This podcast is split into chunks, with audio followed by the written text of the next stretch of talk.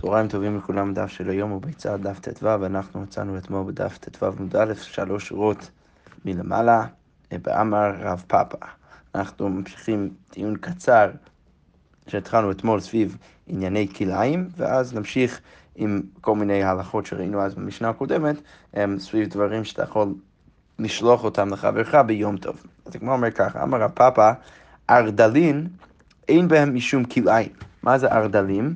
אז הגמרא אומר, רש"י אומר, ארדלין, ראיתי בתשובת הגאונים שרגילים ללובשן תחת מנעליהם. זה, זה מין משהו שהוא מאוד קשה ששמים מתחת למנעל. וזה לא, אין בו משום כלאיים בגלל שהדבר הזה מאוד, הוא מאוד קשה ולכן לא נהנים ממנו כשלובשים אותו, אז אין בעיה אם לא נהנים. אמר רבא, הני צררי דפשיטי. מה זה צררי דפשיטי? רש"י אומר, בגד כלאיים שצרורין בו מעות. אז זה בגד של כלאיים, אבל יש בו פשטים, שזה מעות, יש בו מעות שתלויים בו, אז לא משתמשים בו כדי, אה, אה, אה, כדי ללבוש אותו, אלא רק לתלות עליו מעות וכסף. אז רבא אומר, אין בהם משום כלאיים. אה, דבזרני, יש בהם משום כלאיים, שזה רש"י אומר שצרו בהם זרעים. שזה משהו ששמים עליו זרעים, אז פתאום יש בהם משום כלאיים, ורש"י אומר, ואסור לתיתן בתוך חיקו. אתה לא יכול לשים את זה בתוך, בתוך חיקך, כי אולי אתה תבוא ללבוש את זה. רב אשי אמר, איך זה, איך את זה, אין בהם שום כלאיים, למה? לפי שאין דרך חימום בכך. בגלל שאין דרך חימום בכך, אז בדרך כלל לא לובשים את הדברים האלו, וברגע שלא לובשים אותם, אז אין בעיה של כלאיים. אוקיי, אמרנו גם כן במשנה שהסנדל המסומר אסור לשלוח לחברך ביום טוב. עכשיו, כבר אמרתי גם כן במשנה, ש... ש, שכתוב במסכת שבת, מסופר על איזשהו סיפור שהיהודים לבשו את הסנדלים האלו וזה גרם להריגה, להריגה של הרבה הרבה יהודים ולכן גזרו חכמים לא לבוש אותם בכלל. אז, אז גם כאן ביום טוב, אז כתוב כאן שאי אפשר אפילו לשלוח את זה לחברך ביום טוב. אז הגמרא אומר ככה, סנדל מסומר, מה הייתה לא? אז למה אי אפשר לשלוח את זה? משום מעשה שהיה. אז הגמרא אומרת, אמר אביי, סנדל מסומר אסור לנעלו ומותר לטלטלו. אז, אז אסור אה, ללבוש את זה, אתה לא יכול לשים את זה עליך, אבל כן מותר לטלטל את זה ביום טוב. אז למה אסור לנעלו? אז כמו אומרת, אסור לנעלו משום מעשה שהיה, בגלל הסיפור הזה מסופר במסכת שבת, ומותר לטלטלו, למה? מאיפה אני יודע שמותר לטלטל את הדבר הזה? מדיקתני אין משחים, בגלל שכתוב במשנה, אז אתה לא יכול לשלוח את זה לחברך, אבל... אה, אבל לכאורה משמע מזה שאפשר לדייק שכן אפשר לטלטל, כמו שהגמר אומרת, איסר גדאי תכנסו לטלטל לו, אז אם רצית להגיד שזה אסור ממש אפילו לטלטל, אז האשר לטלטולי אסור, אם אתה רוצה להגיד לי שלטלטל זה אסור, משחין מבעיה, אתה צריך להגיד לי שאסור לשלח את זה לחברך, אלא שוודאי, ברגע שאתה לא יכול לטלטל את זה, אז ודאי שאתה לא יכול לשלח את זה לחברך, אלא זה שהמשנה מחדשת לי שאי אפשר לשלח את זה, אז כמובן צריך לדייק מזה שכן מותר לטלטל אותו. אוקיי, אמרנו גם כן במשנה לא מנעל שאינו תפור, אז מנעל שאינו תפור אי אפשר לשלח לחברך. פשיט הגמרא אומר לא צריך לדאב אגב לנקי בשיחי, אז למרות, אה, אה, אה, רש"י אומר, למרות שיש יתדות קטנות של עץ על, ה, על, ה, על המנעל, אז למרות שזה לכאורה כתוב במשנה שמדובר על מנהל שאינו תפור. אז כמו אומר פשיטה, זה פשוט שאתה לא יכול לשחרר את זה לחברך, כי הרי זה דבר שאי אפשר בכלל ללבוש אותו. אבל הגמרא אומרת, לא, צריך, אתה צריך את, את, את, את המקרה הזה, כי מדובר במנהל שאינו תפור, אבל יש שיחה, יש את היתדות קטנות של עץ, שכן קצת תופרים את המנהל להיות משהו שכן אולי קצת אפשר ללבוש אותו. בכל זאת, המשנה מחדשת לנו שאי אפשר לשלח את זה לחברך ביום טוב. אוקיי, אמרנו גם כי במשנה שרבי יהודה אומר אף לא מנהל לבן, שמנהל לבן זה בדרך כלל לא מנהל שאנשים הולכים איתו, אלא היו צריכים קודם כל להביא את זה לאומן כדי שהוא יתבע את זה שחור, ורק אז היו יוצאים עם זה. אז אם זה לא מוכן, אתה לא יכול גם כן להביא את זה לחברך. אז כמו אומר ככה, תניא רבי יהודה מעטי בשחור ועושה בלבן. מפני שצריך ביצת הגיר. אז רבי יהודה אומר שמותר ללבוש וגם כן לשלח מנהל ש, שהוא שחור לחברך, אבל זה אסור אה, אם זה מנהל לבן. למה? מפני שצריך ביצת הגיר. מה זה ביצת הגיר? רש"י אומר, גיר מין קרקע המשחר, זה מין, אה, מין חומר שמשתמשים בו כדי להשחיר את המנהל. עכשיו רש"י מסביר מה זה הלשון הזה ביצת הגיר. רש"י אומר ביצת זה בעצם מעיד על כל דבר הנילוש ונעשה אב, קרוי ביצה. כל דבר שאתה לש אותו ואז הוא הופך להיות משהו אב, שאז אתה משתמש בו לאיזשהו שימוש, אז הוא נקרא ביצה, כמו ביצה שאנחנו מכירים. אז, אז לכן קוראים לדבר הזה ביצת הגיר, זה בעצם משהו, חומר שמשתמשים בו כדי להשחיר, את ה, לצבוע את, ה, את המינה. רבי יוסי אומר, רבי יוסי עושה בשחור, מפני שצריך לצרח צריכו, אז לא רק שה, ש, שאסור לשלח את הלבן, גם כן את השחור אסור לפי רבי יוסי, בגלל שצריך לצחצח אותו. רש"י אומר להחליקו. אוקיי, אז למה לכאורה יש מחלוקת בין רבי יהודה ורבי יוסי? אז הגמרא אומר לא, ולא פליגי אין מחלוקת בין רבי, רבי יהודה ורבי יוסי. למה מרקי עטה, מרקי עטה, כל אחד פשוט פוסק על פי, ה, ה, ה, ה, על פי המציאות של המקום שלו. באתרי דמר בישראל לתחת, אז במקום של, אה, אה, אני רק אקרא עד הנקודותיים, באתרי דמר בישראל לתחת, באתרי דמר בישראל לאל, אז בעצם בכל אור שיש לבן אדם, אז יש צד אחד של האור שהיה פעם בגוף של הבהמה אה, קרוב לבשר יותר, ויש את הצד השני שהוא קרוב לשיער, לא לבשר. אז רש"י מסביר ככה. זה בתוך הדיבור מתחיל לצחצחו, אז הוא אומר, מה זה לצחצחו? להחליקו. כדי מפרש לקמא, כמו שאנחנו נגיד בהמשך, שבמקומו של רבי יוסי היו הופכים ממקום בשר מבחוץ ומקום שיער מבפנים. ודרך מקום בשר להיות בו מרתים וקליפות קליפות. אז, אז הגמרא בעצם אומרת על פי רש"י שרבי יוסי למה הוא אוסר גם כן בשחור? כי במקומו היו הופכים את האור והיו שמים את החלק שבדרך כלל קרוב וצמוד לבשר בבהמה היו שמים את זה בחוץ. והחלק הזה הוא לא חלק ולכן היו צריכים להחליקו ולכן אפילו מנעל שחור הוא לא מן המוכן עד, ש, עד שמחלקים אותו, אה, אה, מחליקים אותו אה, אה, ולכן עד אז אי אפשר לשלח את זה לחברך ביום טוב.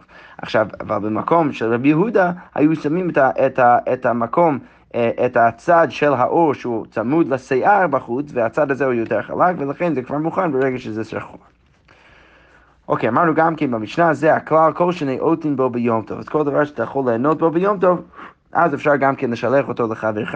הדגמר אומרת, רב ששת שרה להו לרבנו לשדורי תפילין ביום הטבע. רב ששת התיר לחכמים לשלח לחברים שלהם תפילין ביום טוב. אז כמו אומרת, אמר לי אביי, וענן איך אתה יכול להגיד שהדבר הזה מותר? ואנחנו אמרנו במשנה, כל שנאותים בו ביום טוב משלחים אותו, רק דבר לכאורה, אתה יכול ליהנות ממנו ביום טוב, אז אתה יכול לשלח. דבר ש, שאי אפשר ליהנות בו, כמו תפילין, אז אי אפשר. אז כמו אומרת לו, אורי כמה, מה הכוונה ש, אה, שכתוב במשנה, כל שנאותים בו בחול, מש... אה, עזרא, מה, מה הכוונה במשנה שכתוב שכל שנאותים בו ביום טוב משלחין אותו? אז הוא אומר, כל שנאותים בו בחול, משלחין אותו ביום טוב. אל תחשוב שכשכתוב כל שנאותים בו ביום טוב, משלחין אותו, אל תקרא את המשפט ככה, כי אז זה נשמע שהיום טוב מוסב על החלק הראשון של המשפט. כל שנאותים בו ביום טוב, משלחין אותו. אלא, מה הגמרא אומרת, מה הגמרא מציעה? לקרוא את זה קצת אחר. כל שנאותים בו, ביום טוב משלחין אותו, כל דבר שאתה יכול ליהנות ממנו בחול, אז אתה יכול גם כן לשלוח את זה ביום טוב. אה, אה, אוקיי, אז הגמרא אומרת, אמר אביי, תפילין, הולו ועטו לידן, ואם כבר אנחנו מדברים על, על תפילין, נעימה בהומלת אנחנו נגיד איזה מילה על הלכות תפילין.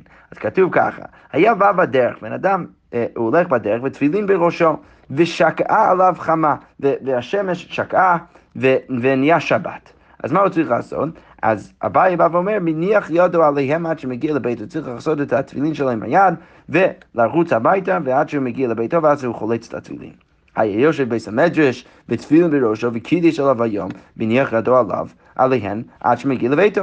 כמו אומרת, מתי רב הונא ברד רב יהושע, סליחה, מתי רב הונא ברד רב איכא, הרי כתוב בברייתא בדיוק הפוך, היה בא בדרך ותפילין בראשו וקידש עליו היום מניח ידו עליהם עד שמגיע לבית הסמוך לחומה, שהוא לא מגיע עד הבית, אלא הוא מגיע עד הבית הכי סמוך לחומה, ורק שם הוא צריך להניח את התפילין ולא עד הבית שלו.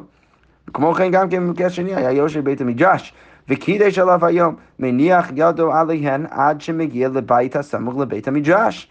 אז הגמרא אומרת, לא קשה, הדמינטרה, הדלומינטרה, לא קשה. אביי מדבר על מקרה שהבית שהכי סמוך לחומה זה לא בית שמור, ולכן הוא לא יכול להניח את התפילין שם, הוא צריך להניח אותם בבית שלו. אבל אה, הברייתא מדברת על מקרה שהבית שם הוא שמור, הבית שסמוך לחומה, הבית שסמוך לבית המדרש זה שמור, ולכן הוא יכול שם להניח את התפילין.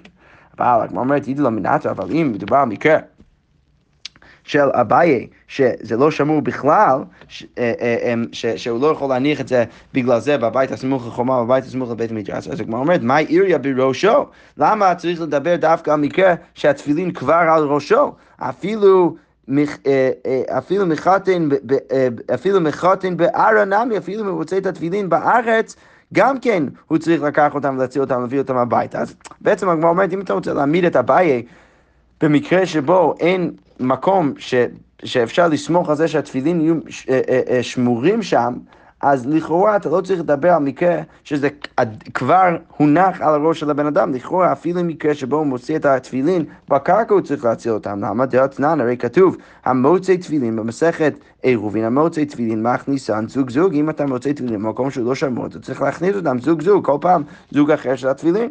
אז כמו אומר לו, לא קשיא, הו דמינתו מחמס גנבי ומחמץ קלפי, הוד מנטרה מחמץ קלפי ולא מנטרה מחמץ גנבי. אז כמו אומרת ככה, בעצם איך צריך להבין? צריך להגיד שיש בעצם שלושה מקרים. יש את המקרה של, אה, שזה לא שמור בכלל. במקרה כזה, אין לא צריך, לא צריך להיות אפילו מקרה שבו הטבילין כבר הונח על הראש של הבן אדם, אלא אפילו מוצא תפילין, מכניסן זוג זוג. זה המקרה של עירובין. המקרה של הברייתא, שכתוב שצריך להניח אותם בבית, בבית הסמוך לבית המדינה, בבית הסמוך לחומה, שם מדובר על מקרה שזה שמור לגמרי, זה שמור גם כן מגנבים וגם כן מכלבים. והמקרה של הבית זה מקרה בינוני, שמצד אחד זה מינת ומחמס קלבי, אתה לא צריך אה, אה, לדאוג לכלבים, אבל לא מינת ומחמס גנבי, אבל זה לא שמור מחמד הגנבים, ולכן רק אם זה הונח על ראשך, אתה צריך להביא את זה הביתה, אה, ואתה לא יכול להניח את זה בבית הסמוך לחומה, בבית הסמוך לבית המדרש. אבל אם זה על הקרקע, אתה לא לוקח את זה משם, כי בסוף זה מונח רק, זה, זה שמור לפחות מהכלבים, ולכן אתה לא לוקח את זה משם. והגמרא אומרת, מהו דתימה, מה החידוש של אביי? כי מה הייתי חושב? רוב ליסטים ישראלינו, הייתי חושב שישראלים... רוב הליסטים הם ישראלים, ולא מזלזלי, ולא מזלזלי בהו, כמשמע לן, הייתי חושב ש... רוב הישראלים הם ליסטים, ולכן לא יזלזלו בתפילין, ולכן ברגע שאני במקום, אפילו אם הוא לא שמור מחמד גנבי, אולי אני יכול להניח תפילין אפילו בבית הסמוך לחומה או משהו כזה, ואני אחשוב שהליסטים, שרובם ישראלים, לא יזלזלו בתפילין, ולכן לא, לא, אם לא יגנבו אותם, לא ייקחו אותם משם, אה, אה, כמה שמלן שכן צריך לחשוש, למרות שרוב הליסטים הם ישראלים, בכל זאת אתה יכול דרך זה להביא אותם עד הבית, ואתה לא צריך להניח אותם במקום אה, שהוא סמוך לחומה, במקום שהוא סמוך לבית המדרש. יפה, ובזה סיימנו את הפרק ראשון, פרק כמה ביצה.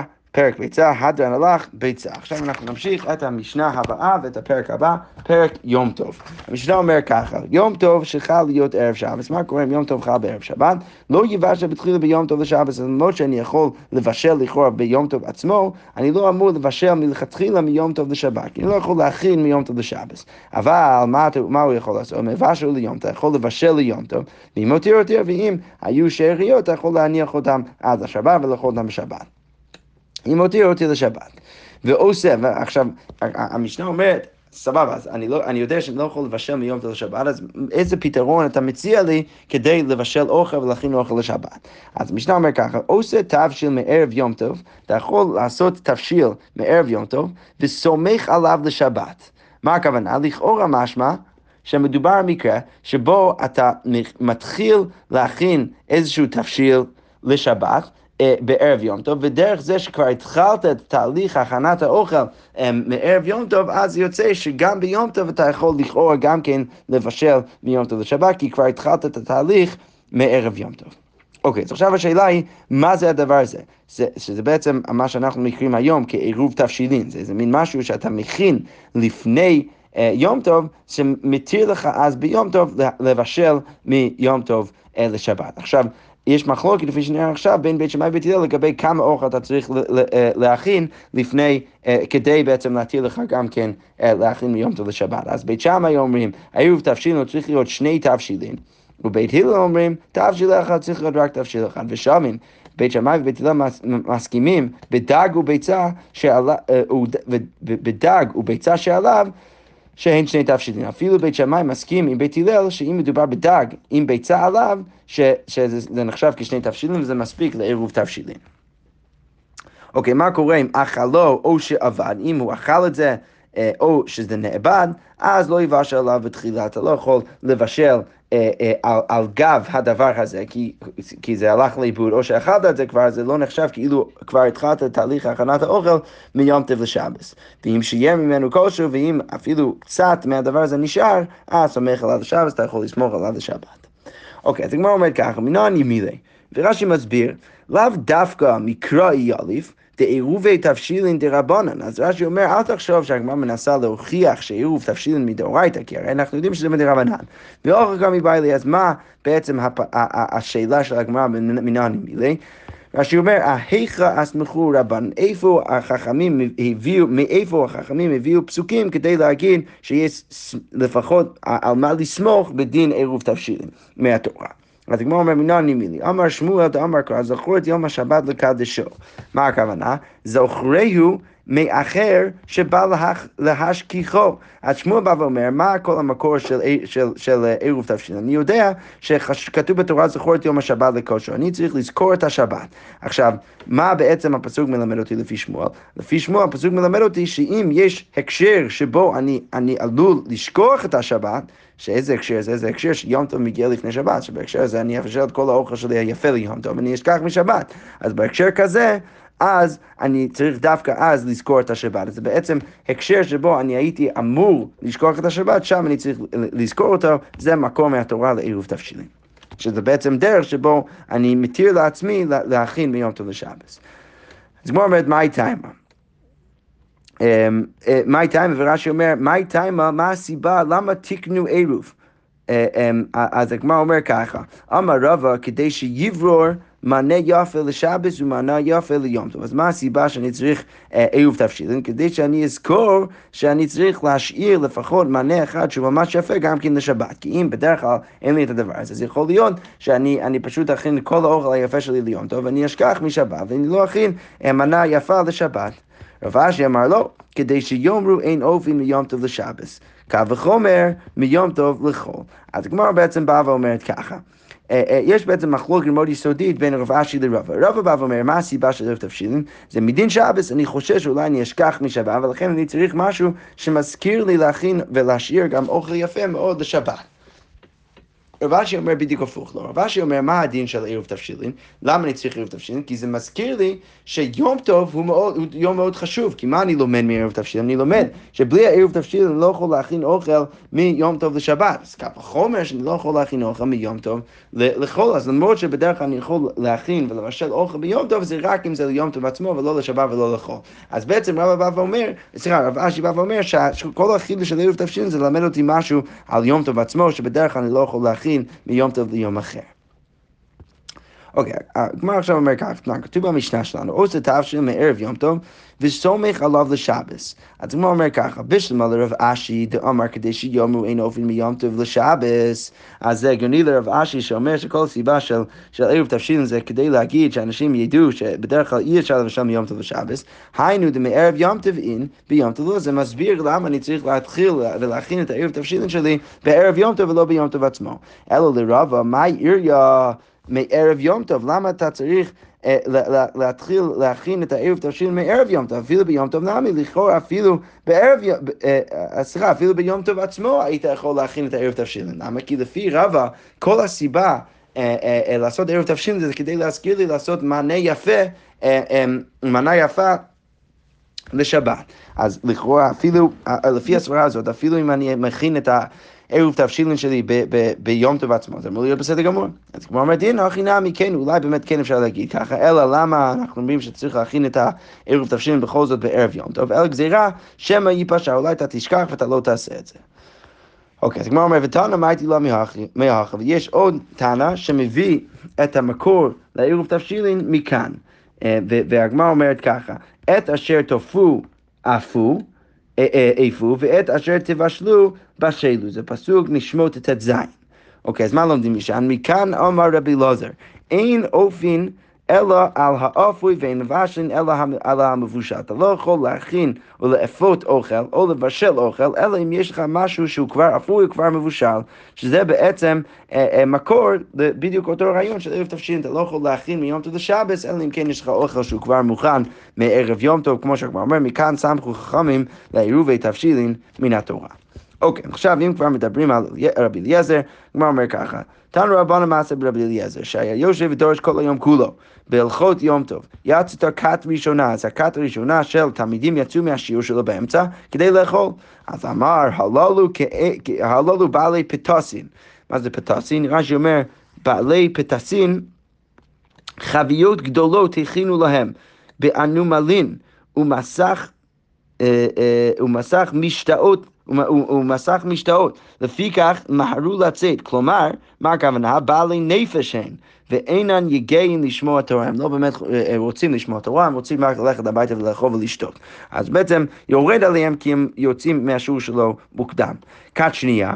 אמר, הללו בעלי חביות, גם כן משהו קצת, אה, קצת פחות אה, זלזול, כי זה לכאורה לא חביות גדולות, אבל כן חביות, בכל זאת הם יוצאים מהשיעור ורודפים אחרי האוכל והשתייה. כת שלישית, אמר הללו בעלי קדין. כת רביעית, אמר הללו בעלי לגינין. כת חמישית, אמר הללו בעלי כוסון. התחילו כת שישית לצאת, אמרו, אמר הללו בעלי מערה. האנשים האלו יקבלו מערה, הם יקבלו עונש.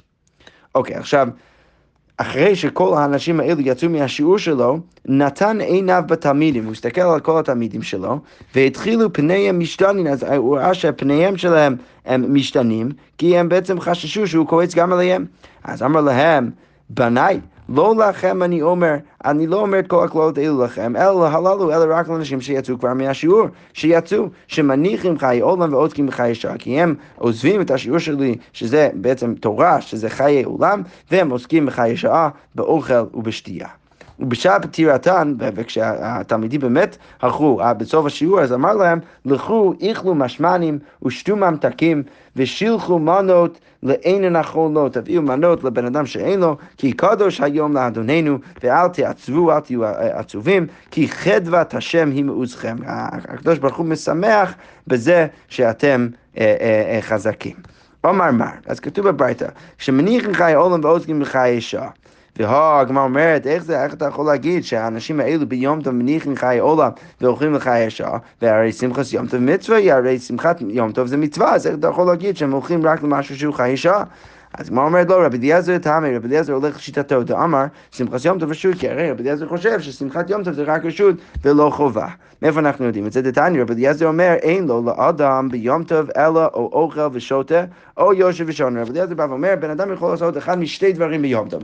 כל אחד מהם הוא לא חובה, אבל צריך לבחור. הוא יכול או לשבת לאכול ולשתות, או לשבת וללמוד.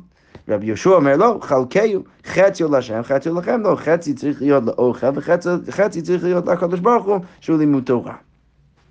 כמו אומרת אמר רבי יוחנן, שניהם מקרה החדשים. החוק מאוד מעניינת בין רבי יהושע ורבי אליעזר, רבי יוחנן בא ואומר שהם לומדים אותו, אה, אה, את כל אחד לומד את שיטתו מהפסוק. כתוב אחד אומר עצרת להשם אלוקיך, כתוב אחד אומר עצרת תהיה לכם. הכיצד? אז הגמרא אומרת, מצד אחד כתוב בתורה שהצרת להשם אלוקיך, החג צריך להיות לקדוש ברוך הוא, והשני כתוב עצרת תהיה לכם, הכיצד? אז איך אפשר לשלב בין שני הפסוקים האלו? רבי אליעזר סבר או כולו להשם או כולו לכם, צריך להיות או זה או זה, רבי יהושע סבר חכה חצי להשם חצי לכם. אוקיי, אז מה הכוונה שאמרנו בברייתא, מהי לאין נחל נוע? אמרנו אה, שילחו מנות לאין נחל נוע, אז מה הכוונה? אמר רב חיסטל למי שלא הניח עירובי תבשילין, אז, בעצם בליעזר אומר לתלמידים שלו, תביאו אוכל לבן אדם שלא הניח עירובי תבשילין. איגא דאמרי מי שהי, שלא היה לו להניח עירובי תבשילין, אבל מי שהיה לו להניח עירובי תבשילין ולא הניח פה שהוא, אז יש בעצם עוד מסורת שצריך לה, להבין שאין נחו לו זה בן אדם שאפילו לא היה לו את האפשרות להניח עירוב תבשילין, בן אדם שכן היה לפחות אפשרות להניח עירוב תבשילין, אז בן אדם הזה הוא פושע ואנחנו לא צריכים בעצם להביא לו אוכל. אוקיי, מה הכוונה שאמרנו בסוף הביתה, מאי כי חדוות השם היא מעוזכם? אמר רבי יוחנן משום בליעזר ברבי שמעון, אמר להם הקדוש ברוך הוא לישראל, אז הקדוש ברוך הוא אומר לישראל, בניי, לבו עליי וקידשו קדושת היום והאמינו בי. אז קודם כל תיקחו כסף, אה, הלוואות. אה, אה, על חשבוניי, הקדוש ברוך הוא אומר, שאני אני עתיד אה, לפרוע את החובות שלכם, וקידשו קדושת היום, והאמינו בי, ואני בורא, ואני אהיה ההוא שיפרוע לכם את כל החובות. ואמר רבי יוחנן משום רבי אליעזר ברבי שמעון, הרוצה שיתקיימו נכסיו, אז בן אדם שרוצה לקיים את כל הנכסים שלו, אז מה הוא צריך לעשות?